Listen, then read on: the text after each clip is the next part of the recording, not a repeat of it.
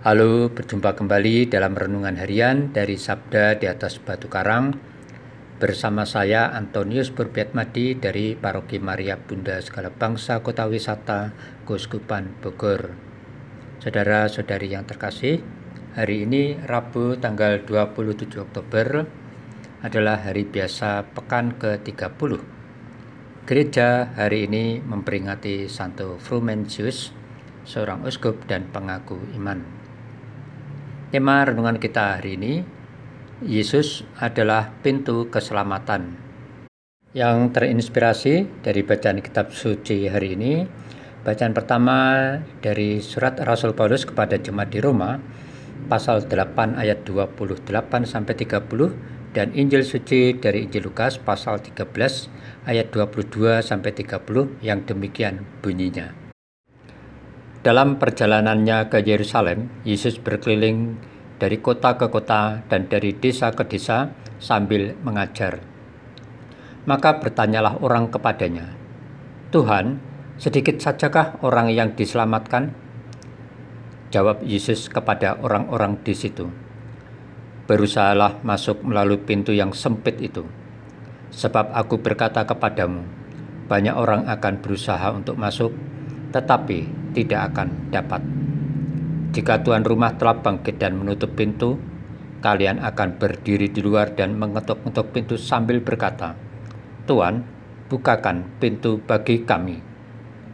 Tetapi dia akan berkata, Aku tidak tahu dari mana kalian datang. Maka kalian akan berkata, Kami telah makan dan minum di hadapanmu, dan engkau telah mengajar di jalan-jalan kota kami tetapi ia akan berkata, Aku tidak tahu dari mana kalian datang. Nyahlah dari hadapanku, hai kamu sekalian yang melakukan kejahatan ini. Di sanalah akan terdapat ratap dan kertak gigi apabila kalian melihat Abraham dan Ishak dan Yakub dan semua nabi ada di dalam kerajaan Allah, tetapi kalian sendiri dicampakkan keluar dan orang akan datang dari timur dan barat, dari utara dan selatan, dan mereka akan duduk makan di dalam kerajaan Allah. Ingatlah, ada orang terakhir yang akan menjadi terdahulu, dan orang terdahulu yang akan menjadi yang terakhir. Demikianlah Injil Tuhan. Terpujilah Kristus. Saudara-saudari yang terkasih, gedung pertunjukan seperti bioskop, gedung kesenian, atau stadion, tentu ada pintu-pintu yang relatif sempit.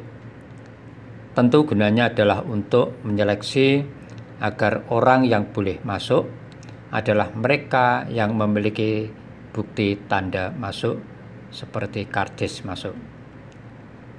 Jika pertunjukan atau pertandingan itu menarik, akan berjubel penontonnya.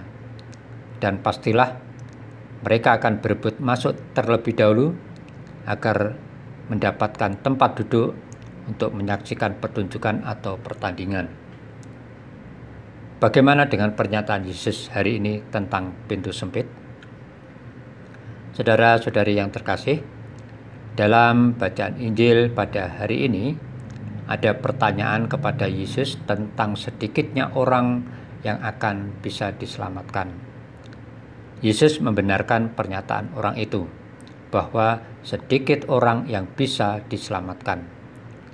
Lalu Yesus memberi nasihat kepada mereka, para pendengarnya itu, untuk berusaha selamat dengan melalui tanda petik pintu yang sempit.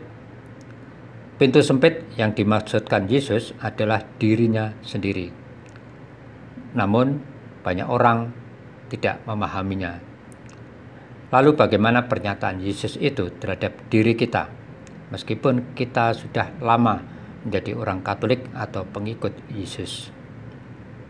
Saudara-saudari yang terkasih, sabda Tuhan hari ini hendaknya menjadi perhatian kita bersama bahwa memang hanya sedikit saja yang bisa masuk ke dalam kerajaan Allah.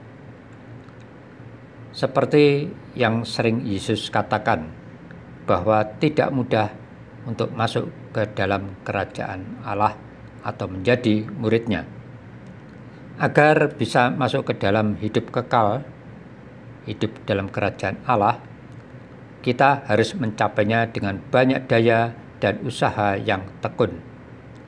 Ibaratnya, agar kita mendapatkan hadiah, maka kita harus berlatih dan berjuang dalam pertandingan.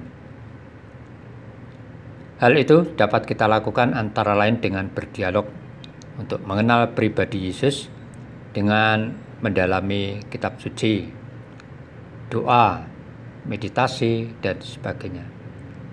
Dengan cara itu, hidup kita akan semakin tumbuh kuat dan beriman akan Yesus, sang pintu keselamatan hidup kekal kita.